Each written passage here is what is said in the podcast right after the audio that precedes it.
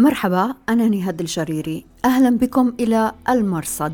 في هذا البرنامج نتابع أخبار العالم المظلم من الجهاديين إلى عالم الإنترنت المعتم والجريمة المنظمة.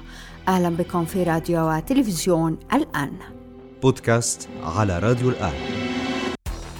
أهلا بكم إلى حلقة هذا الأسبوع من المرصد. نغطي فيها الفترة من 18 إلى 24 يوليو 2022 أنا نهاد الجريري إلى العناوين. المجتمع الدولي يؤكد استمرار العلاقة بين طالبان والقاعدة ويشكك في قدرة طالبان على كبح داعش خراسان. الأردن يصنف هيئة تحرير الشام على قائمة الإرهاب وأنباء عن محاولة انقلاب على الجولاني داعش سيناء يصفي منتسبيه الراغبين في النجاة بعد انقضاض الجيش المصري عليهم. وضيفة الأسبوع الأستاذة آمال هشام السعدي خبيرة تطوير التطبيقات والبرمجيات والأمن السبراني. تحدثنا من عمان عن الميتافيرس وحماية البيانات. وبإمكانكم الرجوع إلى نص هذه الحلقة في أخبار الآن dot net. وفيها أخبار لم يتسنى لنا إدراجها هنا. بودكاست على راديو الآن. أصدر فريق الدعم التحليلي ورصد الجزاءات التابع لمجلس الأمن الدولي تقريره النصف السنوي بشأن داعش والقاعدة وما يرتبط بهما من أفراد وجماعات وكيانات ويغطي الفترة من يناير إلى يونيو 2022 نتوقف في هذا التقرير عند البنود التالية. أولاً حال طالبان والقاعدة. يعتبر المجتمع الدولي أن العلاقة بين طالبان والقاعدة لا تزال قوية فنقرأ في الفقرة رقم سبعة أن القاعدة لا تزال تتمتع بملاذ آمن في أفغانستان. ونقرأ في الفقرة 67 أن تنظيم القاعدة يتمتع بقدر أكبر من الحرية في أفغانستان تحت حكم حركة طالبان ولكنه يقصر دوره على إسداء المشورة إلى سلطات الأمر الواقع ومساندتها. ومن قبيل ذلك ما جاء في الفقرة رقم 73 وهو أن جماعة أنصار الله في أفغانستان ترتبط ارتباطا وثيقا بالقاعدة وتسيطر على الأمن في خمس مقاطعات من ولاية بدخشان شمال شرق أفغانستان تحت إدارة طالبان. ونقرأ أيضا في الفقرة رقم 44 أن بعض أفراد حراس الدين فرع القاعدة في الشام تلقوا تعليمات بالسفر إلى أفغانستان ولكنهم لم يستطيعوا السفر أو لم تكن لديهم رغبة في ذلك. بودكاست على راديو الآن. ثانيا حال القاعدة. يضع التقرير تصورا للتسلسل القيادي في تنظيم القاعدة، في الفقرة رقم ثمانية نقرأ أن سيف العدل الذي يقيم في إيران يأتي تاليا بعد أيمن الظواهري، يليه عبد الرحمن المغربي وهو سهر الظواهري ويعتقد أنه في إيران أيضا. ثم يزيد مبراك أبو عبيدة يوسف العنابي زعيم تنظيم القاعدة في بلاد المغرب الإسلامي. ويليه أحمد ديرية زعيم جماعة شباب الصومالية. يلاحظ هنا غياب أسماء من الشرق وشبه الجزيرة العربية. يلحظ التقرير في الفقرة 22 القوة التي بات يتمتع بها فرع القاعدة في الصومال. فمثلا تجني جماعة شباب سنويا ما بين 50 و 100 مليون دولار ما يشكل رافدا لتنظيم القاعدة كله. في الفقرة 26 يلحظ التقرير نفوذ إياد أغالي زعيم جماعة نصرة الإسلام والمسلمين الموالية للقاعدة. وكيف أنه من خلال مساعده سيدان أغهيتا نقل ثقل القاعدة من بلاد المغرب إلى مالي. ولنذكر هنا التقارير التي تتحدث عن احتمال أن يعقد إياد أغالي اتفاقا مع حكومة مالي شبيه باتفاق طالبان مع أمريكا. حول القاعدة في اليمن الدكتورة إليزابيث كاندل الخبيرة في شؤون اليمن توقفت عند ست فقرات ذكرت قاعدة اليمن في التقرير وعلقت أن عدد منتسبي التنظيم أقل مما ذكر في التقرير ذلك أن ال brand الذي هو القاعدة في اليمن بدأ يفقد معناه وبالتالي صار صعبا تحديد معالم هذا التنظيم وحصر منتسبيه. وحول ما إذا كان التنظيم يشكل تهديدا عالميا ترى الدكتورة كندل أنه بالرغم من تآكل قدرة التنظيم إلا أنه يحاول التحضير لهجمات بحرية. بودكاست على راديو الآن. ثالثا حال داعش. يحذر التقرير من تنامي نفوذ داعش فرع خراسان. فنقرأ في الفقرة 72 أن هجمات التنظيم في أفغانستان تهدف إلى تقويض مصداقية قوات الأمن التابعة لطالبان بإظهار عجزها عن السيطرة على الحدود واجتذاب مجندين جدد من المنطقة. وبالتالي فإن تمكن داعش من الاستحكام في أراضي شرق البلد حيث كان له نفوذ فقد يكون صعبا على طالبان مواجهة ذلك الأمر الذي سيشكل تهديدا للعالم كله انطلاقا من أفغانستان. يعتقد المجتمع الدولي أن داعش لا يزال يتحكم بمبالغ هائلة من النقد تراوح بين 25 مليون و50 مليون دولار. بما في ذلك احتياطيات بالعملات الرقمية مع هذا يلحظ التقرير تردي أحوال التنظيم المالية فالنفقات تتجاوز الإيرادات ومخصصات عائلات منتسبي التنظيم انخفضت إلى 50 دولارا في الشهر بعد أن وعدوا ب 1000 دولار. بودكاست على راديو الآن. أعلن الأردن أنه يواجه تهديدا من ميليشيات إيرانية على حدوده الشمالية في الأثناء أدرج كيانات وأفرادا في سوريا على قائمة الإرهاب كان من أبرزها هيئة تحرير الشام وحراس الدين. غير واضح أسباب هذا الإدراج الآن أو ما سيعنيه ذلك، لكن من الواضح أن من كان في سوريا يستفيد من تحويلات مالية تتم من خلال الأردن سوف يواجه الآن مشاكل جمة بعد هذا الحظر. بودكاست على راديو الآن. نقل حساب أبو العلاء الشامي وهو من الحسابات الجهادية المخضرمة في الشام خبرا عن انقلاب في هيئة تحرير الشام على الجولاني. يقول أبو العلاء إن مظهر الويس كبير قضاة الهيئة رفع تقريرا سريا يذكر فيه أن أبا مالك التلي يرتب الانقلاب بالتنسيق مع مسؤولين أمنيين وعسكريين وشرعيين منهم القاضي المستقيل أبو القاسم الشامي المعتقل حاليا لدى الهيئة. وأردف أنه تم الاتفاق في الهيئة على اعتقال بعض المتورطين في هذه المحاولة وتأجيل اعتقال آخرين. ونشر أبو العلاء قائمة ضمت أسماء بعض المشاركين في هذه المحاولة ومنهم أبو الفتح الفرغلي الذي قيل إنه عزل من منصبه قبل حوالي ثلاثة أسابيع. بودكاست على راديو الآن. جزء من معارضي هيئة تحرير الشام في إدلب لا يزالون يبحثون في مسألة فك ارتباط الهيئة مع القاعدة في 2016 مجموعة نقاشات التي يديرها المعارض عصام خطيب على التليجرام أثارت هذه المسألة مجددا لإثبات مكر الجولاني زعيم الهيئة. ولفت منشور نتوقف فيه عند مسألتين. أولا مسألة البيعة. فإن أنكر هؤلاء المعارضون فك الارتباط أو حتى نقد البيعة فما قولهم بموقف طالبان من القاعدة؟ على الأقل الموقف المعلن. طالبان بموجب اتفاق الدوحة الذي أعادهم إلى كابل تعهدوا بعدم دعم القاعدة. وعندما سألنا كبار مسؤوليهم عن بيعة الظواهر لأميرهم هيبة الله أخندزادة أنكروا البيعة. فهل يمارس طالبان نوعا من التقية؟ وهل يغلبون مصلحة جماعتهم على القاعدة كما غلب الجولاني مصلحته؟ ثانيا يقول كاتب هذا المنشور إن اسم القاعدة هو الذي حفز الشباب على بذل الغالي والنفيس وأن الجولاني استغل ذلك الحماس وزج بالشباب باسم الجهاد. وهذا أمر متروك لأبناء الثورة السورية حتى يردوا عليه، فعندما انطلق الحراك في سوريا في 2011 لم تكن القاعدة في الصورة مطلقا، بل إن القاعدة ركبت موجة الحراك، وعندما جاءت جبهة النصره إلى سوريا لم تعلن أنها قاعدة لإدراكهم أن احدا من مكونات الثورة لن يرحب بهم كظواهري أو بغدادي، ولم تعلن عن هويتها إلا بعد أن استحكمت بجهود فصائل ثورية أخرى لا علاقة لها بالقاعدة. بل وبعد استفزاز من البغدادي في 2013 والقصة معروفة. ثم إن الجولاني كان مبعوثا من البغدادي وليس من الظواهري بمنطق هؤلاء إذن صدق الجولاني ومصداقيته تبدأان بالبغدادي وليس الظواهري بودكاست على راديو الآن. نقلت حسابات قاعدية مناهضة لداعش أن تنظيم ولاية سيناء يقوم بقتل وتصفية عناصره الذين يحاولون الهرب أو تسليم أنفسهم للجيش المصري بعد الهزائم الأخيرة التي لحقت بالتنظيم في شبه الجزيرة. هذه الحسابات ذكر بما فعله التنظيم في الشام والعراق عندما منع منتسبيه وعائلاتهم من أن ينجوا بحياتهم من القصف أثناء انقضاض التحالف عليهم في 2016-2017 بودكاست على راديو الآن.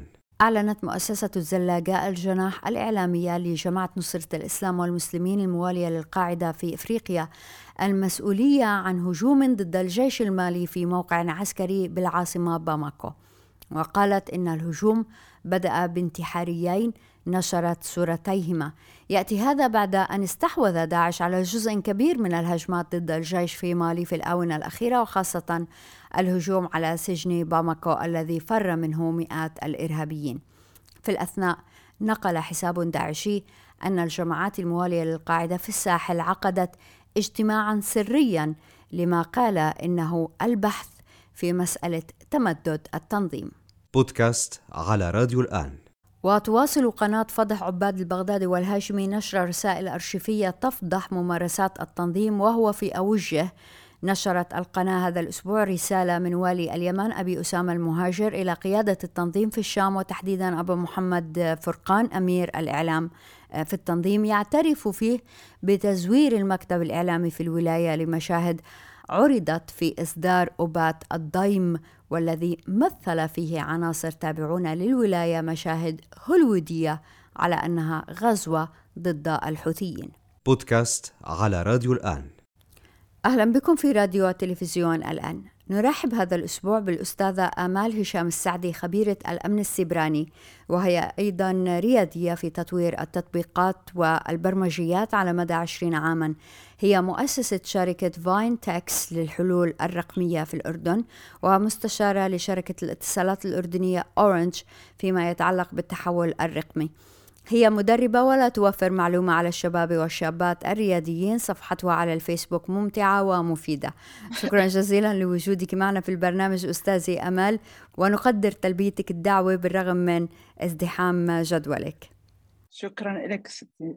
بالعكس واجبنا. شكرا لك عرفنا من حسابك على الفيسبوك عن إطلاق أول بنك ميتافيرس في العالم العربي والميتافيرس من أبرز الأخبار يمكن هالسنة في العالم التقني. حضرتك عندك شهادة خبيرة في الميتافيرس. شو هو الميتافيرس وليش لازم ننتبه له؟ حلو كثير هلأ صراحة إحنا كلياتنا مبسوطين إنه في أول بنك عربي عم بيكون موجود آه، في عالم الميتافيرس وبتسجل وطالع من دولة عربية فخمة آه، في الإمارات. آه، هلأ العالم أو خليني أحكي اليوم مصطلح الميتافيرس بشكل عام بشير إلى أنه في شبكة من العوالم الافتراضية اللي بتكون نوعا ما ثلاثية الأبعاد بتسمح للمستخدمين بالمشاركة في اقتصاد اجتماعي. آه، نوعا ما بيشبه الحياة العادية اللي إحنا بنتعامل فيها. بتقدر تشتري وتبيعي الأشياء وتكوني صداقات آه، تربحي مصاري كل هاي الشغلات تتعاوني مع زملائك في منصات التواصل كل هاي الأمور. يعني زي ما بنحكي عالم افتراضي حقيقي نوعا ما. إحنا يمكن اليوم إذا بنطلع على ال social media والأمور اللي طلعت فيها آه، في فترات التقنيات اللي يعني في فترات متباعدة آه، كانت تطلق مصطلح العالم الافتراضي. بس هذا كان عالم افتراضي بـ one dimension خلينا نحكي.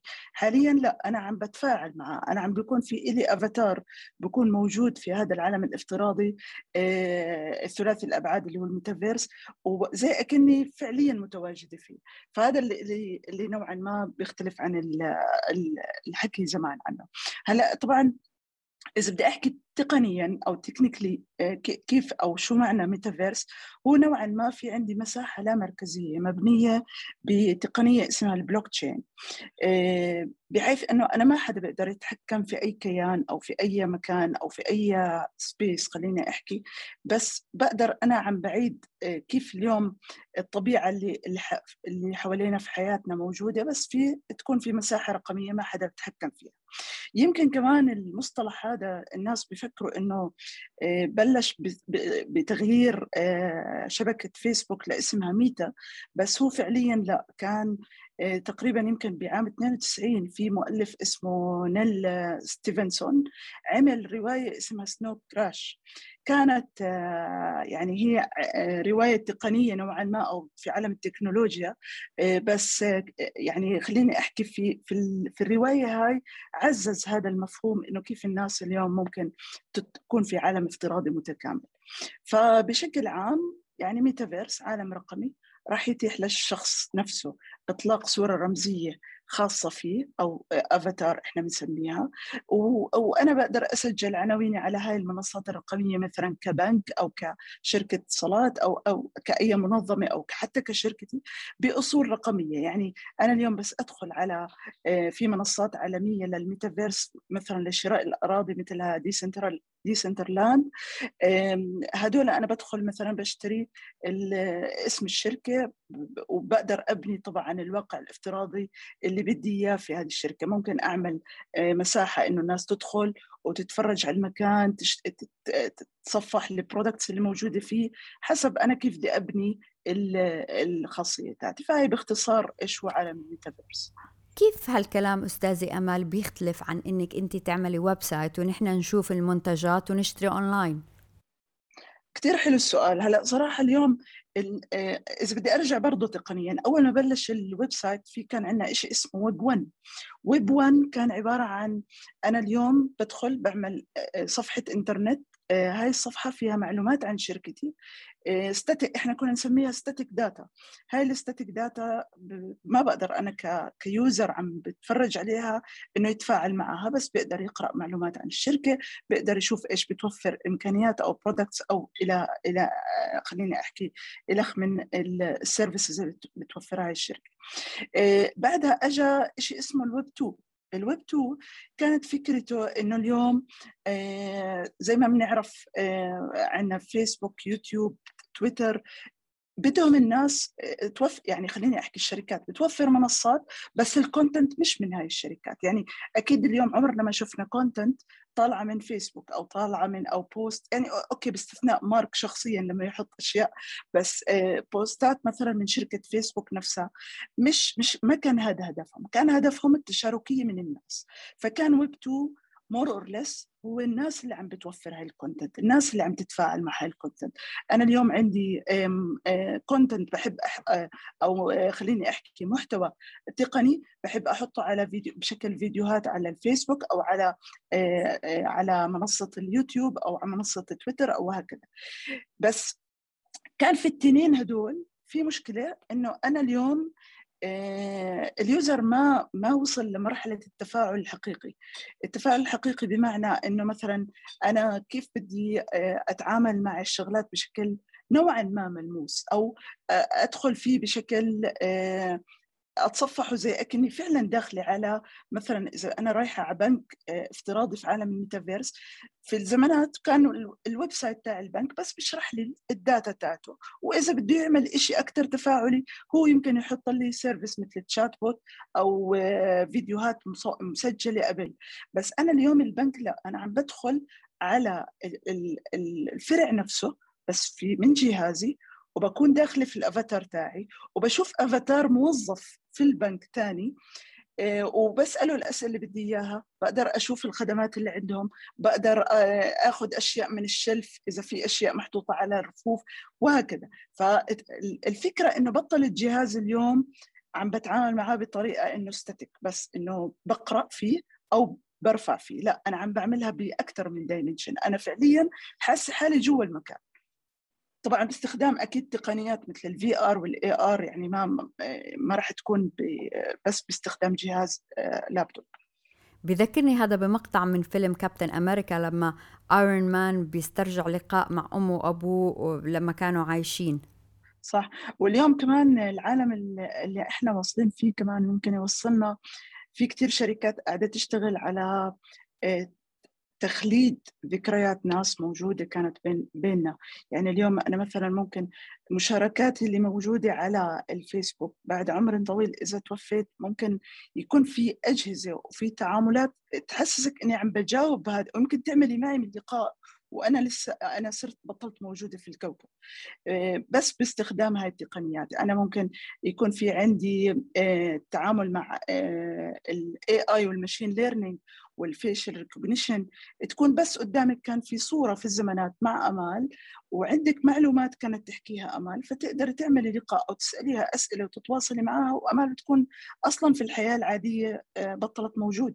ففي كثير اليوم التكنولوجيا عم توصل لمراحل آه، كثير صراحة متقدمة اللي بتغير كثير من حياتنا. بطلت إنه بس أنا بدي أدخل على website وأخذ معلومة وأطلع لا. الحقيقة أستاذة أمال بحكي معك وأنت الشابة الريادية والعالمة وهاي الأيام عم بنعيش نشوة اكتشاف ناسا كون جديد ووجود سيدات على هرم فريق الاكتشاف. في المقابل نحن في هاي المنطقة اللي أنا وأنت عايشين فيها لسه عم بنخوض في جدل عمل المرأة وتعليمها؟ شو أفكارك عن هالموضوع؟ هلا يعني شوفي إذا بدي أطلع اليوم أول ما بلشت أنا في عالم أول ما درست كمبيوتر ساينس وتخرجت واشتغلت يمكن كنت أواجه دائما مشكلة إني لحالي في هذا كصبية يعني آه، في في عالم البرمجة. بس بطلع اليوم العالم عم بيتغير. يعني أنا يمكن في آخر مشروع اشتغلته كان عدد نسبة السيدات فيه أكثر من نسبة الشباب وهي كانت بالنسبة لي على مدار 22 سنة كانت طفرة نوعية. فأنا عم بحس إنه لا العالم عم بيتغير وكانت إذا بدي أطلع عليها آه، مشكلة دائما السيدات في أو الكلتشر العربي بشكل عام فإنه هاي الوظيفة بتحتاج ساعات عمل كبيرة بتحتاج آه، إنك تقعدي دائما ورا جهاز ما تتفاعلي كثير مع الناس. وطبيعة المرأة بتحب تحكي أكثر مع البشر أكثر من إني عم بتعامل مع ماشين اليوم يمكن بطلع عليها آه، يمكن الكوفيد ساعدتنا في هاي الشيء بس آه، حتى من قبل الكوفيد بشوي في شركات أجنبية كانت تطلع على ال remote work.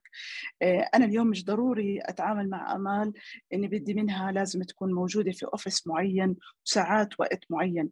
هاي الشغلات حفزت كثير الصبايا إنهم يدخلوا في هذا ال field. وبتلاقيهم كمان أكثر في شركات أجنبية أكثر لأنه يمكن زي ما قلت لك قبل الكوفيد ما كان هذا المصطلح موجود عندنا وما كان قصص ال freelancing كثير أو العمل الحر. آه، اليوم هاي الشغلات أو المنصات اللي صارت موجودة عم بدخل أمال دارسه computer science بتعرف لغة برمجة معينة عم تدخل على واحدة من المنصات وبتحط إنه شو بتعرف تقنيات وبتقدر تحصل على شغل وتشتغله وهي يمكن قاعدة تطبخ. وهي قاعدة مع أولادها. يعني مو شرط إنه اليوم تنتقل. فهذا الحكي عم بيوفر كثير مجالات للصبايا إنهم عم بيدخلوا في هذا ال field بشكل أكبر وأحسن. ويمكن بطل هذا خليني أحكي التحديد أو ال limitation موجود بشكل زي زمان لأنه كثير حياتنا تغيرت آه، عن أول. والحمد لله يعني الإنترنت موجودة والواحد صار يتواصل بسرعة مع أي حدا ويوصل له الشغل تاعه بدون ما يكون آه، أضطر أسافر أو أضطر أكون في في في physical location معين. أستاذة أمال إذا كل شيء بحياتنا عم بيصير رقمي وبالتالي كيف ممكن نحمي حالنا كأفراد نحمي خصوصيتنا كشركات كدول كيف نحمي أسرارنا؟ آه، شركات عملاقة مثل مايكروسوفت تعرضت لاختراقات دول مثل الصين وكوريا الشمالية بتعمل hacking عم بنعيش بعصر السايبر وور الحرب السبرانية. حضرتك بتكتب كثير عن خصوصية البيانات. كيف نحمي أنفسنا؟ حلو كثير هو شوف اليوم في عالمنا الرقمي زي ما زي ما تفضلتي إنه آه، في كثير طرق اليوم أنا ممكن الناس تدخل وتخترق آه، معلوماتي أو تخترق الخصوصية تاعتي. بس آه، يمكن إحنا بنطلع عليها كمان لأنه عالمنا الرقمي هلأ في في تزايد مستمر من التكنولوجيا والتطورات في عنا إنترنت الأشياء في عنا ال social media في عنا حياتنا صارت كلياتها نوعا ما آه على آه موجودة على الإنترنت. ببساطة يعني. بس الناس بتطلع عليها إنه طب ليه ليه اليوم عم نعمل awareness كثير يمكن اللي كان المؤتمر أو اليوم العالمي لخصوصيه لخصوصية البيانات كان همه نشر الوعي للناس في هذا في هذا الشيء أنا اليوم ما بقدر أجي أحكي إنه أنا ما بدي أواكب التكنولوجيا الموجودة. ما بدي أحط كاميرا في البيت عندي لأراقب مثلا أولاد الصغار أو أتأكد من إنه الأمور ماشية في البيت تماما أو حتى أحمي أكون حاطة مثلا إنترنت أشياء في الثلاجه وحدا يعرف شو محتويات الثلاجه عندي أو whatever فاليوم أنا ما بقدر زي ما حكينا إنه نتغاضى عن هاي التكنولوجيا بس لازم نتماشى معها. إذا بدي أطلع على زماناتنا زماناتنا كانوا في الزمانات قبل ما حتى نكون موجودين كانوا الناس آه، بدها تحكي معلومة خاصة أو بدها تنشر خبر آه، موجود في البلدة أو كذا. كانوا يبتكروا طرق منها أنا بتذكر يعني كانوا يحكوا لنا إنه كانوا يروحوا مثلا على الأماكن اللي فيها الينابيع. آه، إذا أنا اليوم بدي أحكي مع نهاد خبر هيك غريب صاير في البلدة وبدي أروح آه، ما بدي حدا يسمعه كنت أحكي لنهاد نروح على ينبوع خاص أو موجود في المكان عشان نحكي على هذا الموضوع. ليش؟ لأنه هم يعني باعتقادهم إنه صوت المي اللي نازلة في هذا الينبوع ما راح تخلي هاي الكلمات ما راح تخلي هاي الحكي اللي أنا بحكيه مع نهاد حدا يسمعه إذا في حدا عم بتنصت فإذا بتطلع عليها اليوم حتى في الزمانات كانوا يلاقوا طرق عشان يسكروا أو يغطوا هاي الفجوات إذا بدي أحكي هاي المعلومة. فما بالك اليوم أنا أكيد يعني ك كإنترنت أشياء كاميرا موجودة عندي آه، ربطاها في في في الإنترنت بقدر أطفيها وأشغلها من مكان بعيد في البيت. لازم أطلع على شو اليوم الوسائل اللي لازم أحميها آه، كيف ممكن أنا مثلا في البيت آه، تكون هاي مشبوكة على انترنت خاصة مش مش مشبوكة على الإنترنت العام اللي بس يجي عندي ضيف أنا عم بعطيه ال password. فممكن هذا الضيف بعد ما يطلع من البيت يشوف إنه عندي كاميرا على الإنترنت الاشياء ويدخل ويصير يراقب كل البيت. يعني أنا كمان بدي أتوافق مع الأمور اللي اللي موجودة. إذا أنا بدي أحكي مثلا على ال social media أنا ممكن أطلع عليها ممكن أحكي اليوم معلومة آه، شخص ثاني يبتزني أو يتعرض يعني يعرضني لمواقف محرجة. هاي الأمور أنا برضه بدي أنتبه كيف أستخدم ال social media كيف أتعامل مع ال data اللي عم بحطها. إذا بدي أحط صورة أنتبه كيف هاي الصورة عادي لو والله اليوم انتشرت أو ما انتشرت. ويعني خليني أحكي ال awareness أو ال ال الاطلاع على الأمور ونكون اوير فيها بشكل أو بآخر آه، قبل ما نستخدمها كثير مهم وطبعا إذا أنت لأنك حكيتي لي برضه عن اللي عم بيصير مثلا في الدول إذا إذا اليوم أنا عم بطلع آه، في في المس في المشاكل اللي عم بتصير بين الصين وأمريكا آه، كلياتنا يمكن اليوم نعرف إنه أنا الصين هي أكبر بلد عم بتنتج الأدوات الرقمية اللي بين إيدينا والأجهزة السيرفرات كل هاي الأمور هي عم تعملها.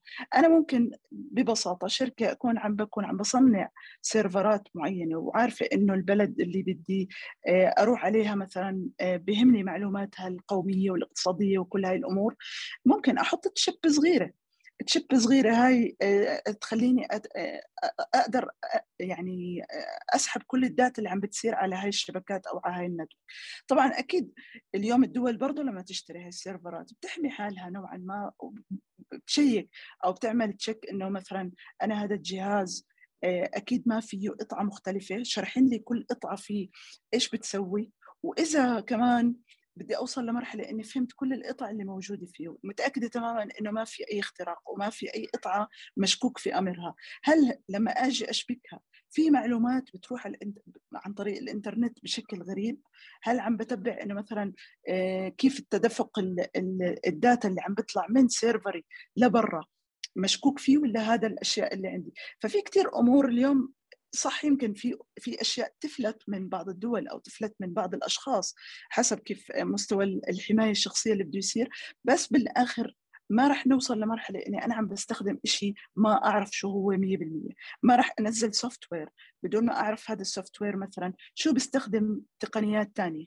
أنا كشخصيا مثلا أمال لما أجي بدي أنزل tool آه، على موبايلي بروح بتفرج على يمكن مش كلياتنا بنقرأها على الأدوات المستخدمة ال privacy policy كل هاي ال details لأنه بتهمني إنه مثلا ممكن تكون في شركة أنا عارفة إنها هاي شركة تجسس. آه، آه، معطياهم tool بتستخدمها هاي ال tool يعني مش بشكل direct بشكل indirect فراح يصير عندي شك في عندي مليون سؤال. ليه هدول عم بيستخدموه؟ ليه هدول مثلا حطوا في تطبيقهم انه بدهم يستخدموا الكاميرا؟ التطبيق ما بيحتاج التطبيق مثلا ممكن يكون calculator ليش بدك الكاميرا؟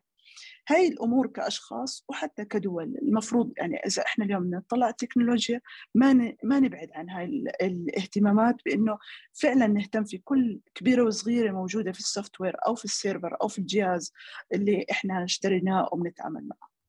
الأستاذة آمال هشام السعدي شكرا جزيلا لك. thank you thank you شكرا شكرا لك وشكرا جزيلا لوجودكم معنا في راديو وتلفزيون الآن.